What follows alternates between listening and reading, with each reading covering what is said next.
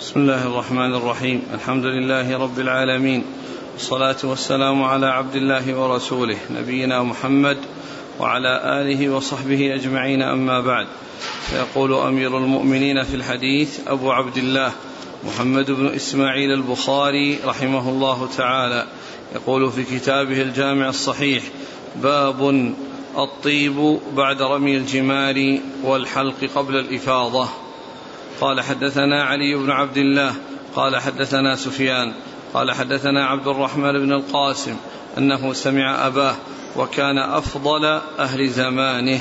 يقول سمعت عائشة رضي الله عنها تقول طيبت رسول الله صلى الله عليه وآله وسلم بيدي هاتين حين أحرم ولحله حين أحل قبل أن يطوف وبسطت يديها. بسم الله الرحمن الرحيم الحمد لله رب العالمين وصلى الله وسلم وبارك على عبده ورسوله نبينا محمد وعلى آله وأصحابه أجمعين. أما بعد يقول الإمام البخاري رحمه الله باب باب الطيب يعني بعد رمي الجمار والحلق بعد رمي الجمار باب الطيب باب الطيب بعد رمي الجمار والحلق قبل الإفاضة. باب رمي الجمار باب الطيب بعد بعد بعد رمي الجمار والحلق قبل الإفاضة. يعني أن المحرم يبقى على إحرامه إذا كان حاجا إلى أن يرمي الجمرة ويحلق رأسه وبعد ذلك يتحلل. التحلل الأول الذي يحل معه كل شيء إلا النساء. وقبل الإفاضة يعني أنه إذا فعل اثنين من ثلاثة التي هي الرمي والحلق والطواف فإنه يحصل التحلل الأول. وإذا حصل الثالث فإنه يتحلل التحلل الكامل الذي يحل معه كل شيء حتى النساء. معنى ذلك أن الإنسان يمكن في يوم العيد أن يتحلل التحلل الكامل ويحل له كل شيء حتى النساء. يحل له كل شيء حتى النساء.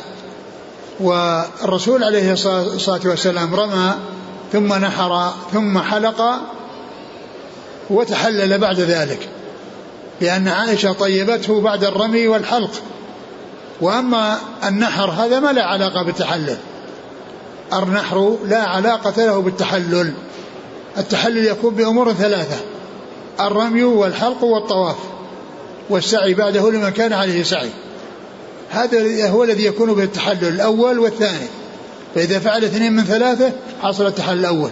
وإذا فعل الثلاثة كلها حصل التحلل الكامل الذي يحل معه كل شيء حتى النساء.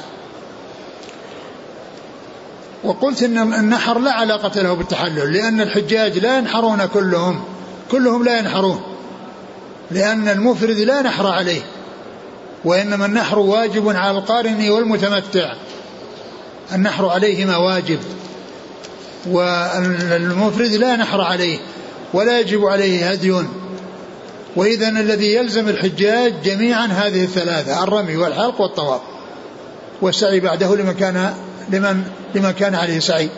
بمعنى أنه يعني لم يسعى مع طواف القدوم فإنه يسعى مع طواف الإفاضة. وأما المتمتع فإنه يسعى بعد طواف الإفاضة ولا بد لأن عمرته فيها طواف وسعي وحجه فيه طواف وسعي. وعلى هذا فإن البخاري رحمه الله عقد الترجمة للتحلل الأول وذلك أنها أن عائشة طيبته بعدما رمى وحلق بعدما رمى وحلق وقبل أن يطوف بالبيت. وقبل أن يطوف ثم ذكر حديث عائشة الذي أخبرت عن تطيبها للرسول صلى الله عليه وسلم قبل أن يحرم و و وإذا حل قبل أن يطوف بالبيت. قالت قالت قالت قالت عائشة في الحديث طيبت رسول الله صلى الله عليه وسلم بيدي هاتين حين أحرم ولحله حين أحل قبل أن يطوف وبسطت يديها. تقول عائشة طيبت رسول الله صلى الله عليه وسلم بيدي هاتين. يعني هذا فيه التأكيد والتأكد وأنها حصل منها ذلك وأنها متحققة يعني لذلك. وكلمة بيدي هاتين يعني هذا يفيد الضبط. وضبطها لما حصل منها وأنه بيديها هاتين طيبت الرسول صلى الله عليه وسلم. وليس معنى ذلك أنه أعطته طيبا فتطيب به أو أعطت أحدا يطيبه وإنما هي التي باشرت الطيب باشرت التطييب للرسول صلى الله عليه وسلم بيديها ووسط يديها وقالت هاتين بيدي هاتين. يعني هذا يفيد تحقق ذلك منها وأنها باشرت ذلك بنفسها وأنها طيبته لإحرامه حين حين أحل. حين أحرم. حين أحرم يعني حين أراد الإحرام. لأن لأن التطيب لا يكون إلا قبل الإحرام. فإذا قوله حين أحرم يعني حين أراد الإحرام. وليس معنى ذلك أنه بعد الإحرام لأنه بعد الإحرام لا يجوز. لا يجوز استعمال الطيب ولا يجوز التطيب بعد الإحرام ولكنه يجوز قبل الإحرام. يجوز الطيب قبل الإحرام. قالت حين أحرم أي أراد الإحرام. وليس المقصود بذلك أنه عندما حصل من الإحرام فيكون بعده لأن المحرم لا يتطيب وممنوع من الطيب. وهذه من محظورات الإحرام. إذا دخل في الإحرام حرم عليه أمور كانت حلالا عليه قبل ذلك ومنها الطيب. وتقليم الأظفار وأخذ الشعر ويعني آه، آه، كذلك المباشرة والجماع وغير ذلك. أمور كانت حلال تحرم عليه بالإحرام. وقيل للإحرام إحراما لأنه يحرم بوجوده وبحصوله. أمور كانت حلالا قبل ذلك. الإحرام نية النسك ونية الدخول فيه. قبل أن ينوي ويدخل يحل له هذه الأمور التي منع منها في الإحرام. وبعدما دخل في الإحرام حرمت عليه ومنها الطيب. فإذا قولها يعني حين أحرم أي حين أراد الإحرام. حين أراد الإحرام. وهذا مثل قوله سبحانه وتعالى يا أيها الذين آمنوا إذا قمتم إلى الصلاة أي أردتم القيام إلى الصلاة. أردتم القيام إلى الصلاة. فإذا قرأ القرآن فإذا قرأت القرآن فاستعذ بالله أي أردت قراءة القرآن. إذا أردت قراءة القرآن إذا قوله حين أحل حين أحرم أي حين أراد الإحرام. أما قوله حين حل أي حصل منه الإحلال ووجد منه الإحلال الذي هو فعل اثنين من ثلاثة التي هي الرمي والحلق. و ولو قدم وأخر فإن ذلك جائز. لأن الرسول صلى الله, عليه وسلم سئل يوم العيد عدة أسئلة؟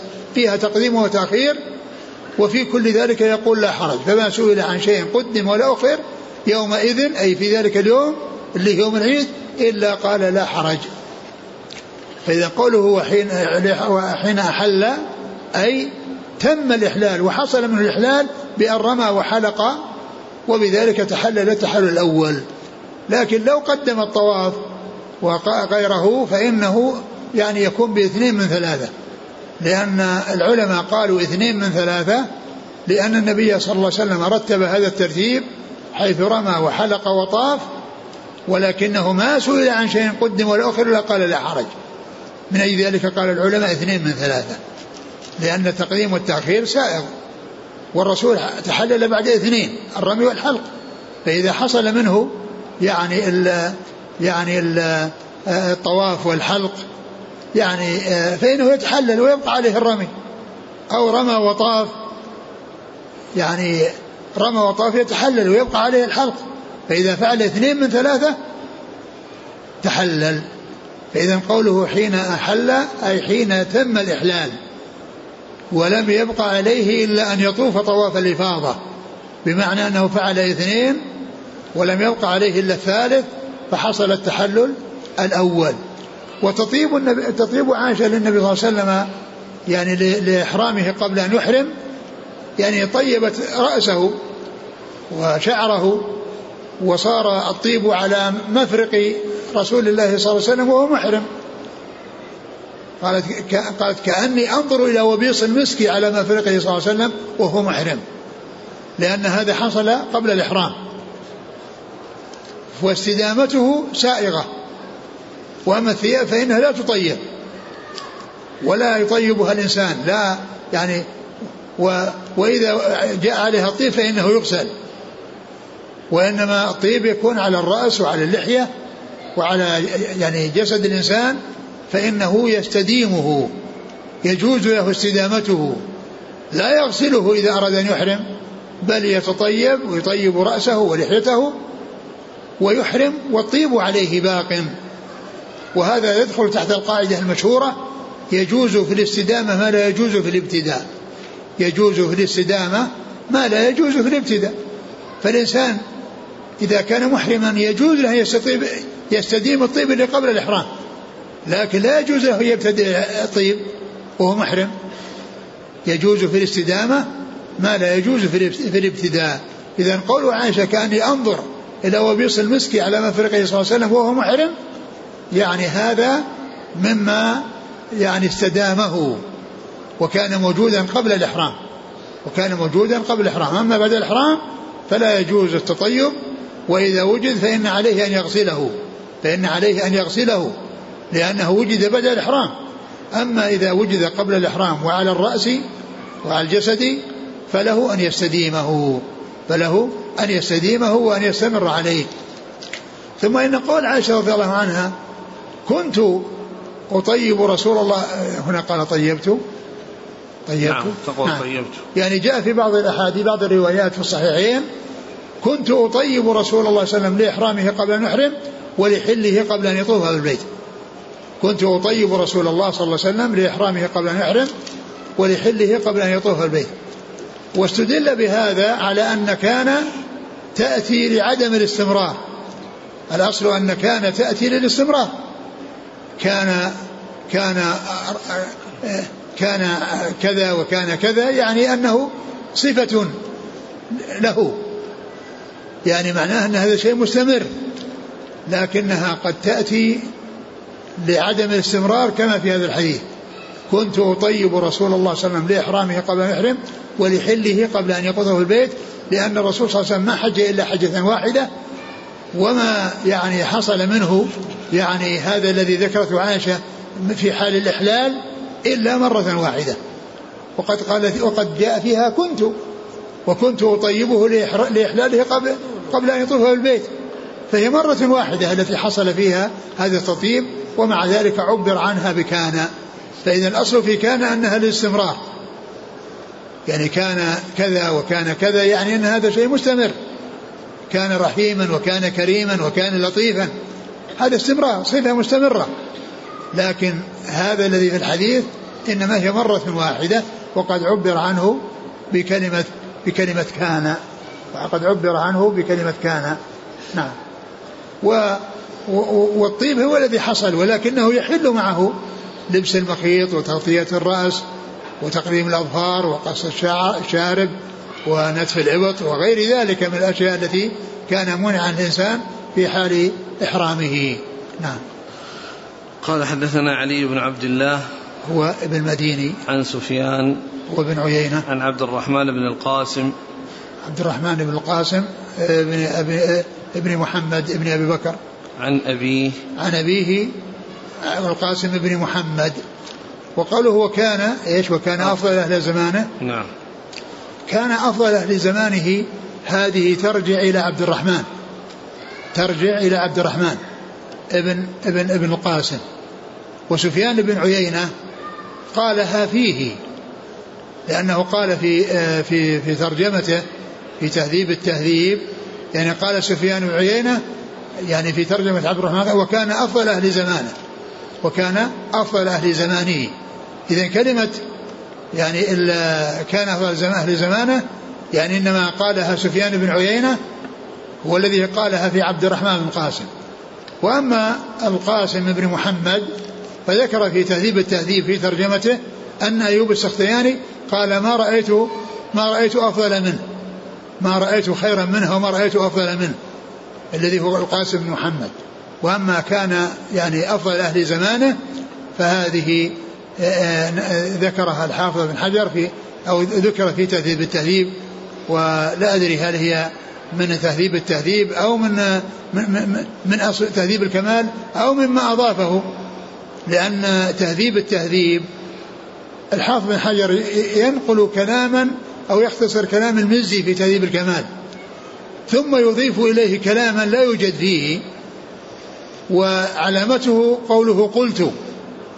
يعني إذا قال كان يذكر أشياء كثيرة ثم يقول قلت ما بعد قلت هذا من إضافة الحافظ بن حجر إلى تهذيب الكمال. بعد ما بعد قلت هو من كلام الحافظ بن حجر وهو من زياداته على تهذيب الكمال. تهذيب الكمال للمزي. تهذيب تهذيب آه، آه، تهذيب الكمال ل آه، المقدسي ولكن تهذيب تهذيب الكمال تهذيب تهذيب الكمال هو للمزي. فالحافظ بن حجر يلخص كلام المزي في تهذيب تهذيب الكمال ويضيف إليه إضافات تبدأ من قوله قلت. فذكر في ترجمته في تهذيب التهذيب أن أن أنه أن سفيان بن عيينة قال في عبد الرحمن القاسم ما رأيت؟ هو كان خير أهل زمانه وكان أفضل أهل زمانه وذكر في ترجمة القاسم بن محمد أن أيوب السختياني قال ما رأيت أفضل منه أو ما رأيت خيرا منه. نعم. قال رحمه الله تعالى باب طواف الوداع. قال حدثنا مسدد. قال حدثنا سفيان عن ابن طاووس عن أبيه عن ابن عباس رضي الله عنهما أنه قال أمر الناس أن يكون آخر عهدهم بالبيت إلا أنه خفف عن الحائض. ثم ذكر طواف الوداع. وطواف الوداع يؤتى به إذا أراد الإنسان مغادرة مكة بعد الحج. عندما يريد مغادرة مكة بعد الحج يكون آخر شيء يعمله هو طواف الوداع. يطوف به سبعة أشواط يودع فيها البيت ثم يخرج إلى الجهة التي يريد. إلى الجهة التي يريد سواء بلده أو غير بلده. إذا كان دخل للحج فلا يخرج من من مكة إلا وقد ودع البيت بسبعة أشواط ويقال له طواف الوداع. وأورد في حديث ابن عباس أن النبي صلى الله عليه وسلم قال أمر الناس أن يكون آخر عهدهم البيت يعني إلا أنه خفف عن الحائض. فقوله أمر الناس الآمر هو رسول الله صلى الله عليه وسلم. الصحابي إذا قال أمر أمرنا أو نهينا فالآمر لهم هو رسول الله صلى الله عليه وسلم والناهي لهم هو رسول الله صلى الله عليه وسلم. فقوله أمر إلا أنه خفف يعني معناه الذي حصل منه الأمر والذي حصل منه التخفيف هو رسول الله صلى الله عليه وسلم. أما رسول الله عليه الصلاة والسلام إذا قال أمرت بكذا أو نهيت عن كذا فالآمر له هو الله عز وجل. أمرت أن أسجد على سبعة أعظم على سبعة أعضاء. الذي أمر الذي أمر الرسول الله هو الله.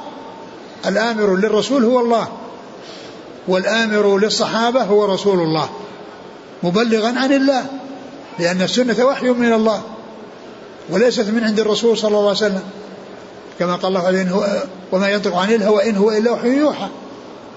فالسنة هي وحي من الله والقرآن وحي من الله إلا أن القرآن متعبد بتلاوته ومتعبد بالعمل به وأما السنة فهو متعبد بالعمل بها ولم يتعبد بتلاوتها وكل وكل من الكتاب والسنة هي من الله.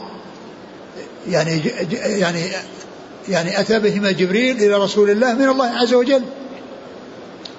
ولهذا جاء في حديث أو في بعض الأحاديث أن الرسول عليه السلام قال يغفر للشهيد كل شيء. ثم إنه أعاد الكلام وقال إلا الدين. سارني به جبريل آنفا.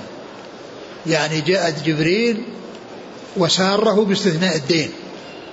يعني معناه أن السنة من الله عز وجل. لأن جبريل جاء باستثناء الدين.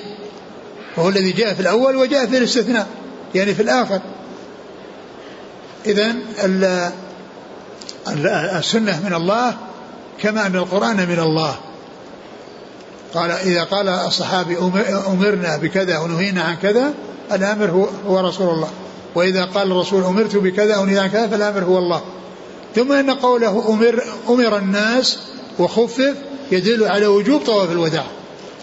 لأن في أمر وفي تخفيف. يعني معناه من لم ي... ما ما ما سوى الحائض ومثلها النفساء ما سواهما يجب عليه طواف الوداع. لا يخرج من البيت إلا وقد ودع. وإن خرج غير مودع يجب عليه دم وإن خرج غير مودع يجب عليه دم لأنه واجب من واجبات الحج. فذكر ذكر الأمر وذكر التخفيف يدل على الوجوب. أمرنا إلا أنه خفف عن الحيض فهذا يدل على وجوبه. نعم. قال حدثنا مسدد ابن مسرهد. عن سفيان عن من؟ عن عن ابن طاووس. سفيان هو؟ ابن عيينة. نعم. عن عن ابن طاووس. عبد الله بن طاووس. عن أبيه عن ابن عباس. نعم. قال حدثنا أصبغ بن الفرج. قال أخبرنا ابن وهب عن عمرو بن الحارث عن قتادة أن أنس بن مالك رضي الله عنه حدثه أن النبي صلى الله عليه وسلم صلى الظهر والعصر والمغرب والعشاء ثم رقد رقدة بالمحصب ثم ركب إلى البيت فطاف به. تابعه الليث. قال حدثني خالد عن سعيد عن قتادة أن أنس بن مالك رضي الله عنه حدثه عن النبي صلى الله عليه وآله وسلم. ثم ذكر هذا الحديث عن أنس أن النبي صلى الله عليه وسلم صلى الظهر والعصر والمغرب والعشاء في المحصب يعني بعد أن انصرف من منى. ورقد رقدة ثم قام وركب إلى البيت. يعني ليطوف طواف الوداع. هذا وجه إيراد الحديث في طواف الوداع. ركب إلى البيت يعني ليطوف طواف الوداع. فالرسول عليه الصلاة والسلام يعني تأخر في منى إلى اليوم الثالث عشر. وبعد أن زالت الشمس ارتحل من منزله متجها إلى الجمرة فرماها في طريقه إلى المحصب. ولما أنهى الرمي واصل السير حتى نزل المحصب وصلى الظهر. وصلى الظهر. يعني معناها أن الرسول عليه الصلاة والسلام يعني خرج من المحصب بعد الزوال من من من بعد الزوال وبعد أن رمى الجمرة. والرسول كان لا يرمي الجمار إلا بعد الزوال. ففي اليوم الحادي عشر والثاني عشر يرميها بعد الزوال ثم يذهب إلى مسجد الخير ويصلي بالناس الظهر. وفي اليوم الثالث عشر ارتحل من منزله متجها إلى الجمرة ورماها في طريقه إلى المحصب. فرمى الجمرات واستمر حتى نزل المحصب وهو الذي البطحة التي تقع بين مكة ومنى. وصلى فيه الظهر ركعتين. وصلى فيه وصلى الظهر والعصر والمغرب والعشاء ورقد ثم قام في آخر الليل واتجه إلى مكة ليطوف طواف الوداع. قال ثم ركب إلى مكة فطاف. يعني طاف طواف الوداع. نعم. قال حدثنا أصبغ بن الفرج نعم. عن ابن وهب عبد الله بن وهب. عن عمرو بن الحارث نعم. عن قتادة عن أنس. نعم. تابعه الليث عن خالد خالد بن يزيد؟ الجمحي نعم. عن سعيد عن قتادة. سعيد, سعيد بن أبي هلال. سعيد بن أبي عروبة. سعيد بن أبي عروبة عن قتادة؟ نعم. نعم.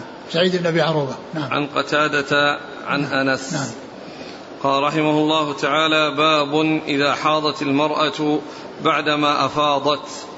قال حدثنا عبد الله بن يوسف قال أخبرنا مالك عن عبد الرحمن بن القاسم عن أبيه عن عائشة رضي الله عنها أن صفية بنت حيي زوج النبي صلى الله عليه وآله وسلم رضي الله عنها حاضت فذكرت ذلك لرسول الله صلى الله عليه وسلم فقال أحابستنا هي؟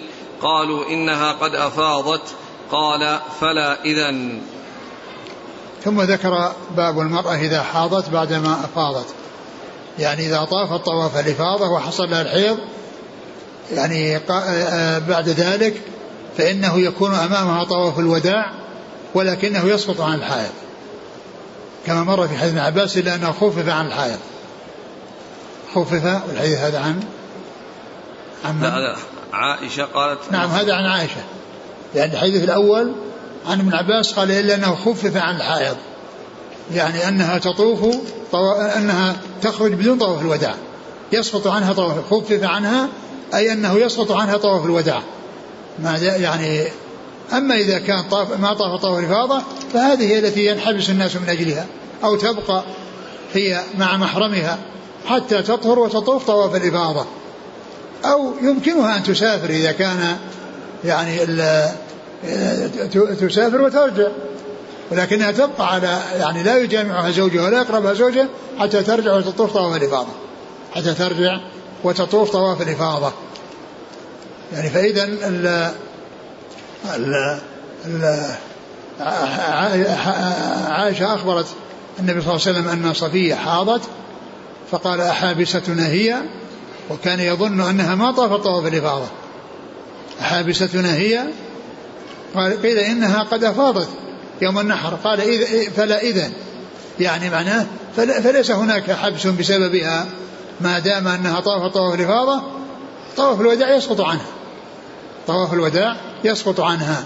ودل على أن طواف الإفاضة لا بد منه وأنه ركن من أركان الحج لا يتم به وأما طواف الوداع فإنه واجب يسقط عن الحائض والنفساء. واجب على على كل الحجاج إلا الحائض والنفساء فإنهما فإنه يسقط عنهما. لأنه مر إلا أن خف عن الحائض ومثل النفساء وهنا قال فلا إذن يعني ما في حبس. يعني ليس في حبس بسبب بسبب الحيض لأن الحيض لأن طواف الوداع يسقط عن الحائض. طواف الوداع يسقط عن الحائض. أعد الحديث. عن عائشة رضي الله عنها أن صفية بنت حيي حاضت فذكرت ذلك لرسول الله صلى الله عليه وسلم فقال أحابستنا هي؟ قالوا إنها قد أفاضت قال فلا إذن. وفي هذا دليل على أن الرسول صلى الله عليه وسلم لا يعلم الغيب. لأنه لو كان يعلم الغيب كان عرف أن صفية طافت يوم النحر. لكنه ما كان يعلم الغيب لا يعلم الغيب إلا الله. لا يعلم الغيب إلا الله. ويطلع الله عز وجل من شاء من خلقه على ما شاء من غيبه. وقد أطلع الله نبيه صلى الله عليه وسلم على كثير من الغيوب. ولكنه لم يطلع على كل الغيوب. فعلم الغيب على الإطلاق هو من خصائص الله عز وجل. لا يعلمه إلا الله عز وجل. علم الغيب على الإطلاق. وال يعني وال ولو كان الرسول صلى الله عليه وسلم يعلم الغيب لعرف أن أن صفية قد حاضت طافت يوم النحر. ولكنه قال حابستنا هي ظنا منه أنها أنه يعني جاءها الحيض يعني قبل ذلك وأنها بقي عليها طواف الإفاضة. وأنه سيكون بذلك الانحباس بسببها. فلما أخبر بأنها قد أفاضت يوم النحر مع أمهات المؤمنين اللاتي أفضن مع رسول الله صلى الله عليه وسلم وأفضن في ذلك اليوم قال فلا إذن يعني إذن لا حبس. وجاء فيه بعض الروايات انفري بعض الروايات انفر انفروا يعني معناه آه لا يحصل الانحباس بسبب الحائض التي ما بقي عليها إلا طواف الوداع. نعم. قال حدثنا عبد الله بن يوسف. عن مالك. عن مالك. التنيسي نعم. عن عبد الرحمن بن القاسم عن أبيه عن عائشة. نعم. قال حدثنا أبو النعمان قال حدثنا حماد عن أيوب عن عكرمة أن أهل المدينة سألوا ابن عباس رضي الله عنهما عن امرأة طافت ثم حاضت. قال لهم تنفر. قالوا لا نأخذ بقولك وندع قول زيد. قال إذا قدمتم المدينة فسلوا. فقدموا المدينة فسألوا فكان في من سألوا؟ أم سليم. فذكر فذكرت حديث صفية رواه خالد وقتادة عن عكرمة. ثم ذكر يعني حديث. قال في أوله عن عكرمة أن أهل المدينة سألوا ابن عباس. نفس الباب؟ نعم. نعم يعني أن أهل المدينة هي بعض أهل المدينة سألوا ابن عباس يعني عن المرأة التي لم يبقى عليه إلا طواف الوداع. فأخبر بأنها تنفر. قالوا يعني لا نأخذ بقولك وندع قول زيد يعني زيد بن ثابت. وزيد بن ثابت يعني كان جاء عنه أنه يعني عليها يعني أنها عليها أن عليها أن تبقى. حتى تطوف ولكنه بعدما عرف أن الرسول صلى الله عليه وسلم يعني رخص لصفية فرجع عن ذلك القول الذي كان يقوله فصار يعني مثل ما مثل ما مثل ما قال ابن عباس. قوله مثل قول ابن عباس. وكان في أول الأمر يعني جاء عنه أنها تبقى حتى تطهر. ولكنه بعدما عرف الحديث في ذلك رجع عنه. وصار يقول بهذا القول الذي قاله ابن عباس وهو مبني على ما على ما على ما ثبت عن رسول الله صلى الله عليه وسلم. قال حدثنا أبو النعمان محمد بن فضل عن حماد بن زيد عن أيوب بن أبي تميم السختياني. عن عكرمة عن ابن عباس عن أم سليم. نعم. قال رواه خالد هو عن ابن عباس وعن أم سليم. نعم. نعم. رواه خالد وقتادة عن عكرمة. رواه خالد. وقتادة عن عكرمة. خالد. حذاء. آه. خالد مهران الحذاء وقتادة بن دعامة عن عكرمة. نعم. قال حدثنا مسلم قال حدثنا وهيب قال حدثنا ابن طاووس عن أبيه عن ابن عباس رضي الله عنهما أنه قال رخص للحائض أن تنفر إذا أفاضت. قال وسمعت ابن عمر رضي الله عنهما يقول إنها لا تنفر ثم سمعته يقول بعد إن النبي صلى الله عليه وسلم رخص لهن. ثم ذكر هذا الحديث عن ابن عباس أن النبي صلى الله عليه وسلم أنه إيش؟ رخص للحائض أن تنفر قال رخص للحائض أن تنفر إذا طاف إذا أفاضت. يعني ولم يقل عليه إلا طواف الوداع. وهذا مثل قوله في الأول أمر الناس أن يكون آخر عن بيت إلا أنه خفف عن الحائض إلا أنه خفف عن الحائض وبعد ذلك قال وعن ابن عمر. قال وسمعت ابن عمر يقول إنها لا تنفر ثم سمعته يقول بعد إن النبي صلى الله عليه وسلم رخص لهن. ثم إن ابن عمر رضي الله عنه كان يقول إنها لا تنفر حتى تطوف مثل التي لم لم تطوف طواف الإفاضة.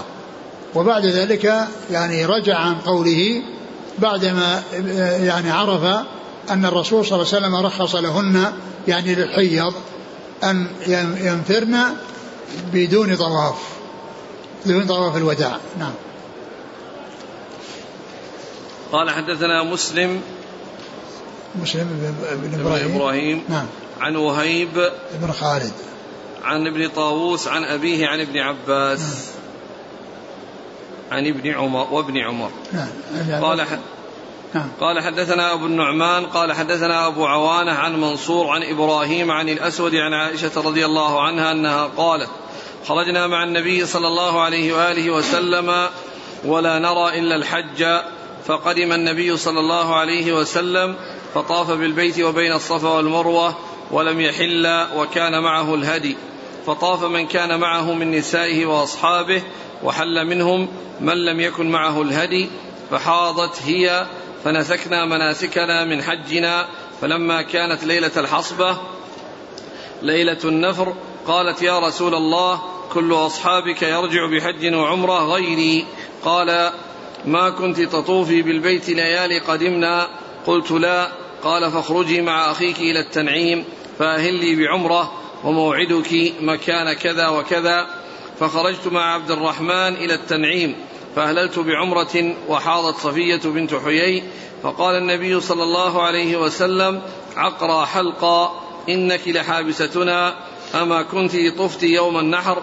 قالت بلى. قال فلا بأس انفري فلقيته مصعدا على أهل مكة وأنا منهبطة أو أنا مصعدة وهو منهبط.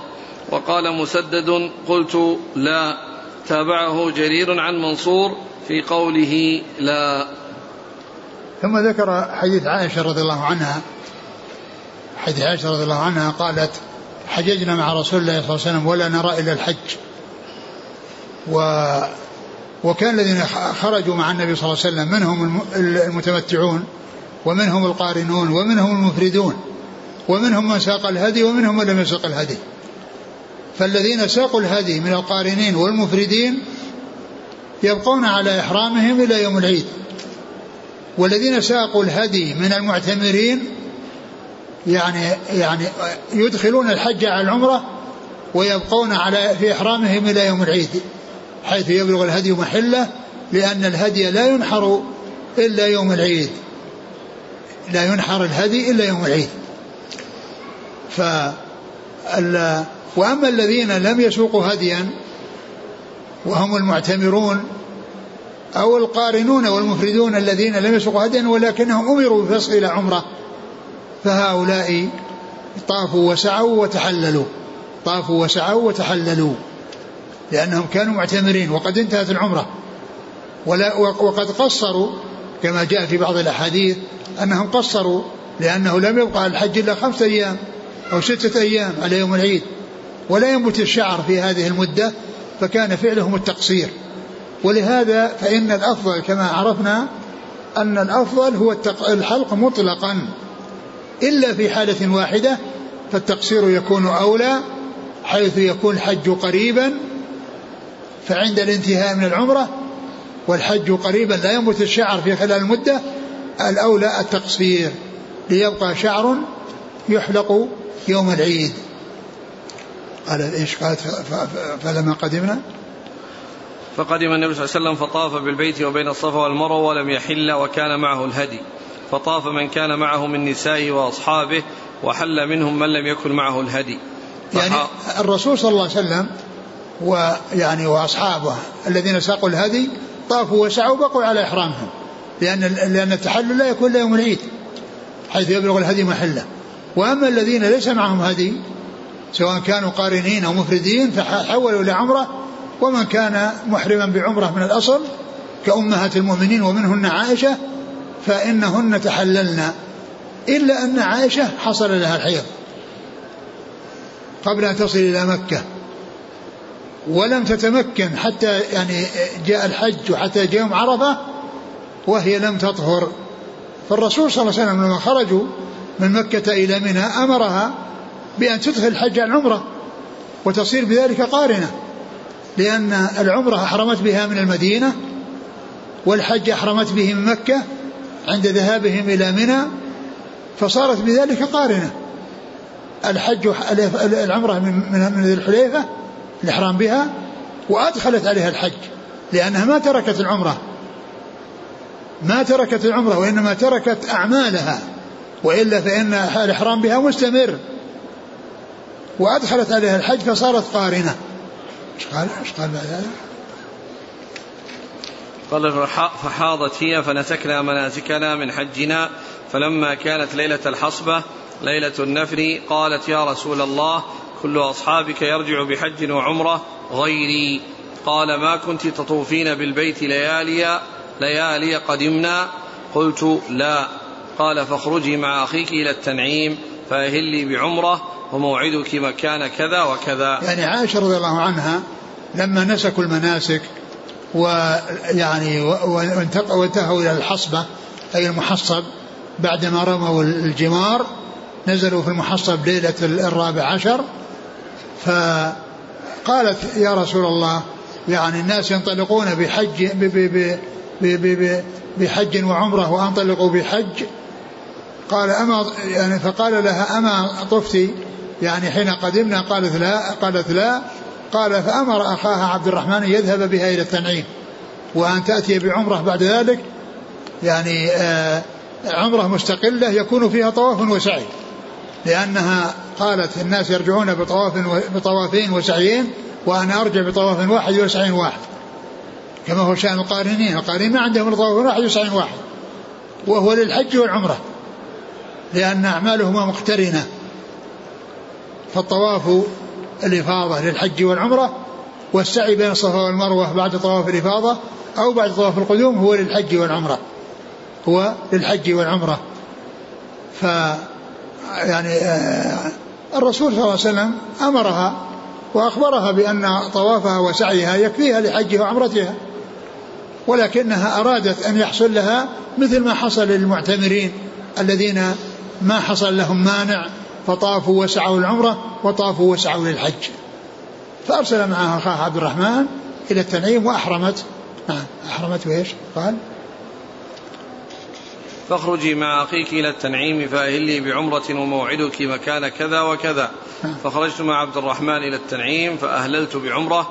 وحاضت صفية بنت حيي فقال النبي صلى الله عليه وسلم عقرى حلقا إنك لحابستنا. أما كنت طفت يوم النحر؟ قالت بلى. قال فلا بأس انفري فلقيته مصعدا على أهل مكة وأنا منهبطة أو أنا مصعدة وهو منهبط. آه قولها يعني أنها لقيت الرسول صلى الله عليه وسلم وهي مسعدة وهو وهو وهو منهبط أو العكس.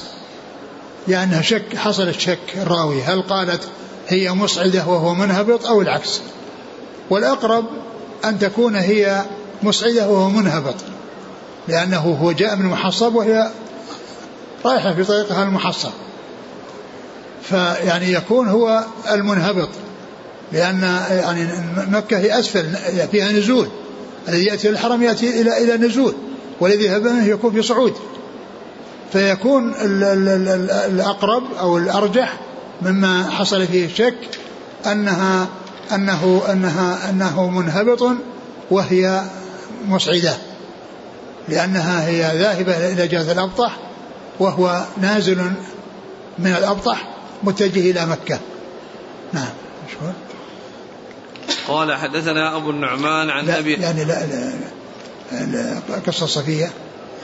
قالت وحاضت صفية بنت حيي فقال صلى الله عليه وسلم عقرى حلقا إنك لحابستنا. أما كنت طفت يوم النحر؟ قالت بلى. قال فلا بأس انفري. يعني آه، آه، قال إيش طفت إيش يوم النحر؟ وحاضت صفية بنت حيي فقال عقرى حلقا إنك لحابستنا. أما كنت طفت يوم النحر؟ قالت بلى. أما طفت يوم النحر؟ قالت بلى. إنها طافت. قال إذا انفري لأن طواف الوداع لا لا يلزم الحائض. ولا النفساء مثلها. فقال يعني انفري يعني بدون طواف لأن طواف الوداع يسقط عنها. نعم. قال حدثنا أبو النعمان عن أبي عوانة. أبو النعمان آه، محمد الفضل وأبو عوانة الوضاح بن عبد الله اليشكري. عن منصور. ابن المعتمر عن إبراهيم. ابن ابن يزيد بن قيس النخعي. عن الأسود. النخعي. عن عائشة. نعم. قال وقال مسدد قلت لا. قلت لا يعني في يعني أطفت ذاك اللي قال يعني أطفت قالت لا الأول. قال ما كنت تطوفي بالبيت ليالي منى قلت لا.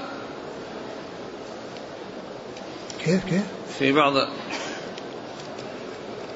لا هذا في الأول يعني عندما دخلوا مكة. أما كنت طفتي حين قدمنا مكة في الحديث. قلت لا. لا الحديث الذي الذي مر. قلت. قال قالت كل أصحابك يرجع بحج وعمرة غيري. نعم. قال ما كنت تطوفي بالبيت ليالي قدمنا؟ نعم. ليالي قدمنا. أيوة نعم. قلت لا. نعم، قلت لا نعم. في بعض روايات روايات البخاري قلت بلى. قلت بلى؟ نعم. يعني كان على أنها ما طافت. يعني إنه يرجع للنفي. ما ما طافت بلى يعني ما طفت. نعم. وقال مسدد قلت لا. نعم. قلت لا يعني ان أن بدل بلى. تابعه جرير عن منصور في قوله لا. نعم. قال رحمه الله تعالى باب من صلى العصر يوم النفر بالأبطح. قال حدثنا محمد بن المثنى قال حدثنا إسحاق بن يوسف قال حدثنا سفيان الثوري عن عبد العزيز بن رفيع قال سألت أنس بن مالك رضي الله عنه قلت أخبرني بشيء عقلته عن النبي صلى الله عليه وسلم. أين صلى الظهر يوم التروية؟ قال بمنى. قلت فأين صلى العصر يوم النفر؟ قال بالأبطح. افعل كما يفعل أمراؤك. ثم ذكر هذا الحديث عن أنس رضي الله عنه أنه سأله عبد العزيز بن رفيع نعم. قال أخبرني عن شيء عقلته عن رسول الله صلى الله عليه وسلم أين صلى الظهر يوم التروية؟ قال بمنى. أين صلى الظهر يوم التروية؟ قال بمنى. يعني أنه صلى الله عليه وسلم خرج من الأبطح وارتحل من الأبطح وجاء إلى منى وصلى فيها الظهر وصلى فيها الظهر وكذلك العصر والمغرب والعشاء والفجر كلها في منى. وخرج من من منى من منى إلى إلى عرفات بعد طلوع الشمس. اتجه إلى عرفات بعد طلوع الشمس والصلوات صلاها في في في منى الخمس وأولها صلاة الظهر. نعم. والسؤال الثاني؟ فأين صلى العصر يوم النفر؟ وأين صلى العصر يوم النفر؟ يعني اللي هو يوم النفر الثاني الذي حصل من رسول الله صلى الله عليه وسلم فقال بالأبطح أو بالبطحاء. ومثلها الظهر. يعني سبق أن مر في الحديث أنه صلى يعني الظهر والعصر والمغرب والعشاء ورقد رقدة ثم ركب إلى لطواف طواف الوداع. يعني حتى الظهر صلاها. لأنه صلى الظهر والعصر. وكما قلنا إنه ارتحل يعني قبل أن تزول الشمس أو عند زوال الشمس ومر بالجمرات ورماها وهو متجه إلى الأبطح وواصل السير حتى نزل وصلى الظهر. فإذا صلاته الظهر والعصر والمغرب والعشاء كلها بالأبطح. ورقد والفجر صلاها بمكة. وصلى الفجر بالناس عليه الصلاة والسلام بعدما طاف طواف الوداع صلى الفجر بالناس ثم خرج عليه الصلاة والسلام اتجه إلى المدينة عليه الصلاة والسلام. فإذا آه، آه، العصر صلاها في الأبطح بل صلى الظهر قبلها في الأبطح. نعم. قال حدثنا محمد بن المثنى عن إسحاق بن يوسف نعم. عن سفيان الثوري عن عبد العزيز بن رفيع عن أنس بن مالك. نعم. قال حدثنا عبد عبد المتعالي بن طالب قال حدثنا ابن وهب قال أخبرني عمرو بن الحارث أن قتادة حدثه عن أنس بن مالك رضي الله عنه أنه حدثه عن النبي صلى الله عليه وسلم أنه صلى الظهر والعصر والمغرب والعشاء ورقد رقدة بالمحصب ثم ركب إلى البيت فطاف به. ثم ذكر هذا الحديث عن أنس ومثل ما تقدم صلى الظهر والعصر والمغرب والعشاء ورقد ثم ركب إلى البيت وطاف به أي طواف الوداع وصلى بالناس الصبح. وقد مر أن أن أن أن أم سلمة أن أم سلمة كانت يعني شاكية فأمرها أن تطوف من وراء الناس. قالت فطفت وراء الناس وهو يقرأ بالطور. يعني يصلي بالناس الصبح وهو يقرأ بسورة الطور. والحديث سبق أن مر. وإذا فالرسول عليه الصلاة والسلام ركب يعني بعدما استيقظ من نومه واتجه إلى مكة وطاف طواف الوداع وصلى بالناس الصبح ثم خرج متجها إلى المدينة صلوات الله وسلامه وبركاته عليه نعم. قال حدثنا عبد المتعال بن طالب نعم. عن ابن وهب نعم. عن عمرو بن الحارث نعم. عن قتادة عن أنس نعم. قال رحمه الله تعالى باب المحصب قال حدثنا أبو نعيم قال حدثنا سفيان عن هشام عن أبيه عن عائشة رضي الله عنها أنها قالت إنما كان منزل ينزله النبي صلى الله عليه وآله وسلم ليكون أسمح لخروجه تعني بالأبطح. ثم قال باب المحصب يعني هل هل المبيت فيه والبقاء فيه يعني قبل الحج وبعده أنه يعني من, من, من مناسك الحج ومن شعائر الحج فأخبر عن عائشة أنها قالت إنما كان لأنه أسمح لخروجه يعني اتفق له أنه كان أسمح لخروجه يعني حين جاء يعني من أجل أن ينتقل إلى منى وبعد انتقاله من منى إليه فيكون أسمح لخروجه وأسمح لذهابه إلى منى وأسمح لخروجه وهو أقرب مكان إلى منى نزل فيه الرسول صلى الله عليه وسلم واستراح وبات تلك الليلة وصلى فيه أربع صلوات ثم نزل إلى مكة وطاف وخرج عليه الصلاة والسلام. نعم. قال حدثنا أبو نعيم الفضل بن دكين. عن سفيان الثوري. عن هشام عن أبيه عن عائشة. نعم. قال حدثنا علي بن عبد الله قال حدثنا سفيان قال قال عمرو عن عطاء عن ابن عباس رضي الله عنهما قال ليس التحصيب بشيء إنما هو منزل نزله رسول الله صلى الله عليه وآله وسلم. ابن عباس؟ نعم. ثم ذكر حديث ابن عباس أنه قال ليس التحصيب بشيء. يعني بشيء من المناسك. ليس بشيء من المناسك.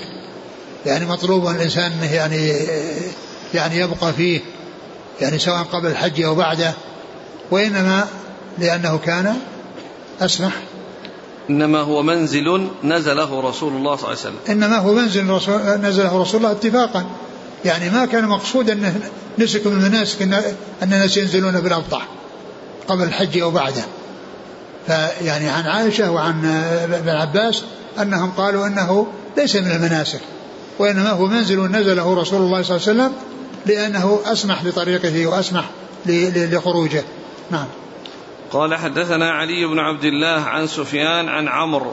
سفيان هو بن عيينة وعمرو هو بن دينار. عن عطاء عن ابن عباس. عطاء بن أبي رباح. قال رحمه الله تعالى باب النزول بذي طوى قبل أن يدخل مكة والنزول بالبطحاء التي بذي الحليفة إذا رجع من مكة. قال حد والله تعالى أعلم وصلى الله وسلم وبارك على عبده ورسوله نبينا محمد وعلى آله وأصحابه أجمعين. جزاكم الله خيرا. وبارك الله فيكم. ألهمكم الله الصواب ووفقكم للحق شافاكم الله وعافاكم ونفعنا الله بما سمعنا. غفر الله لنا ولكم وللمسلمين أجمعين. آمين. جاءت أسئلة ما الصارف؟ أن طواف الوداع صرفناه في العمرة من الوجوب الاستحباب. في الحج قلنا واجب. الحج لأن الأحاديث اللي وردت في الحج. الأحاديث اللي وردت في الوداع وتخفيف عن الحائض كلها جاءت في الحج. وأما العمرة ما جاء فيها شيء لم يأتي فيها شيء مثل ما جاء في الحج. وإنما هذه أمور كلها جاءت في الحج ولم يأتي شيء في العمرة. فإذا يستحب الإنسان والأولى الإنسان أن أن يودع لكن لا يلزمه ذلك. ولو خرج غير مودع ما نقول عليه دم. وأما الحج لو خرج غير مودع نقول عليه دم. يقول ما الحكم لو تركت الحذاء في الخارج ثم لم أجده فأخذت غيره. ليس للإنسان أن يأخذ حذاء يعني بدل حذائه الذي لم يجده لأنك لما أخذ حذاءك إما غلطا وإما عمدا راح حذاءك فإذا أخذت حذاء غيرك يخرج ولا يجد حذاءه. يخرج ولا يجد حذاءه. فيصير يعني مثلك. فأنت إذا ضاع حذاءك لا تأخذ أحذية الناس. لكن إذا كان هناك أشياء يعني آه، مرمية يعني أشياء مرمية وليس وفي طريقها إلى أن تذهب لإتلافها أو لوضعها في النفايات فأنت خذ منها إذا كانت أشياء مرمية. أقول إذا فقد الإنسان حذاءه ولم يجده في مكانه فلا يجوز له أن يأخذ أن يأخذ حذاء بدل حذائه من الصناديق التي توضع فيها الأحذية. فقد يكون الذي أخذه متعمدا وقد يكون مخطئا وقد يرجع وقد يرجعه. إذا تبين له أنه أخذه خطأ يرجعه فيضعه في مكانه. فلو رجع إليه مرة أخرى يعني يبحث عنه في المكان الذي وضعه فيه قد يجده. لأن صاحبه أخطأ وأرجعه. فليس له أن يأخذ حذاء غيره ولكنه إذا وجد أحذية يعني مرمية وفي طريقها إلى أنها تذهب للنفايات فله أن يأخذ منها. للشيء الذي يعني يوصله إلى يعني مكان يعني حتى يعني يحصل نعل أو يأتي أو يأتي بنعل. أما كونه يأخذ شيء وضع في مكان معين وقد آه، فقد حذاءه لا يأخذ حذاء غيره. إذا حصلت الإساءة من غيره إليه فلا يسيء هو إلى غيره. يقول الأخ حتى لو كان نفس النوع فالغالب أنه اشتبهت عليه فأخذها. والله إذا كان إذا كنا في مكان واحد يعني في آه، موضوعات في مكان واحد وضعه في نفس المكان الذي الذي هو فيه وهو مشابه له تماما. يعني هذا قد يغلب على الظن أنه يعني آه، حذاء أنه أخذ حذاءه. فمثل هذا لو أخذه الأمر في ذلك سهل. لكن كونه يجد في مكان آخر غير المكان الذي وضع فيه حذاءه فهذا يعني قد يكون هذا يعني ليس ليس غلطا وإنما وضعه هو في مكان وهذا وضعه في مكان. يسأل يقول هل يجوز لبس شنطة فوق لبس الإحرام؟ نعم الحقيبة التي يكون فيها النقود ويكون فيها أغراض الإنسان يعني لا بأس بها. يعني ولو كانت مخيطة لأن اللبس المخيط الممنوع منه هو الذي يلبس على هيئة الهيئة التي يلبس عليها اللباس كالقميص والفنايل والسراويل. وأما يعني شنطة أو حزام يكون فيه النقود هذا كله لا بأس به ولو كان مخيطا. لأن المقصود بالخياطة ليس هو مجرد خيط وشيء مخيط لأن مقصود المخيط على هيئة يلبس عليها. أما لو كان مخيطا وليس على هيئة مثل أن يكون الرداء قطعتين من القماش خاط إحداهما بالأخرى وصار في خياطة في الوسط. هذا ما يؤثر. يقول عندما أسافر إلى البلد في الإجازة الصيفية وأجلس مع والدي آه، فإذا حان وقت الرجوع إلى الجامعة يبكيان فهل بتركي لهما أكون عاقا لهما؟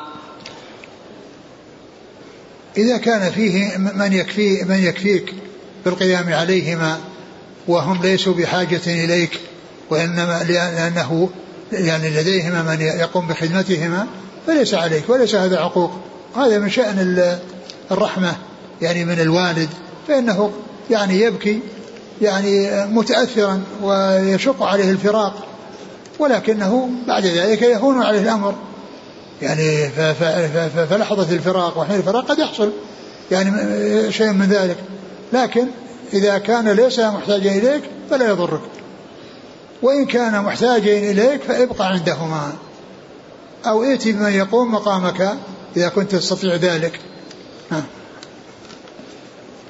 يقول آه، يسأل عن هل يعذر بالجهل في أمور العقيدة؟ آه، أمور العقيدة فيها أشياء واضحة وأشياء خفية. أشياء واضحة وأشياء خفية. يعني بعض مسائل العقيدة لا يعرفها إلا إلا بعض أهل العلم.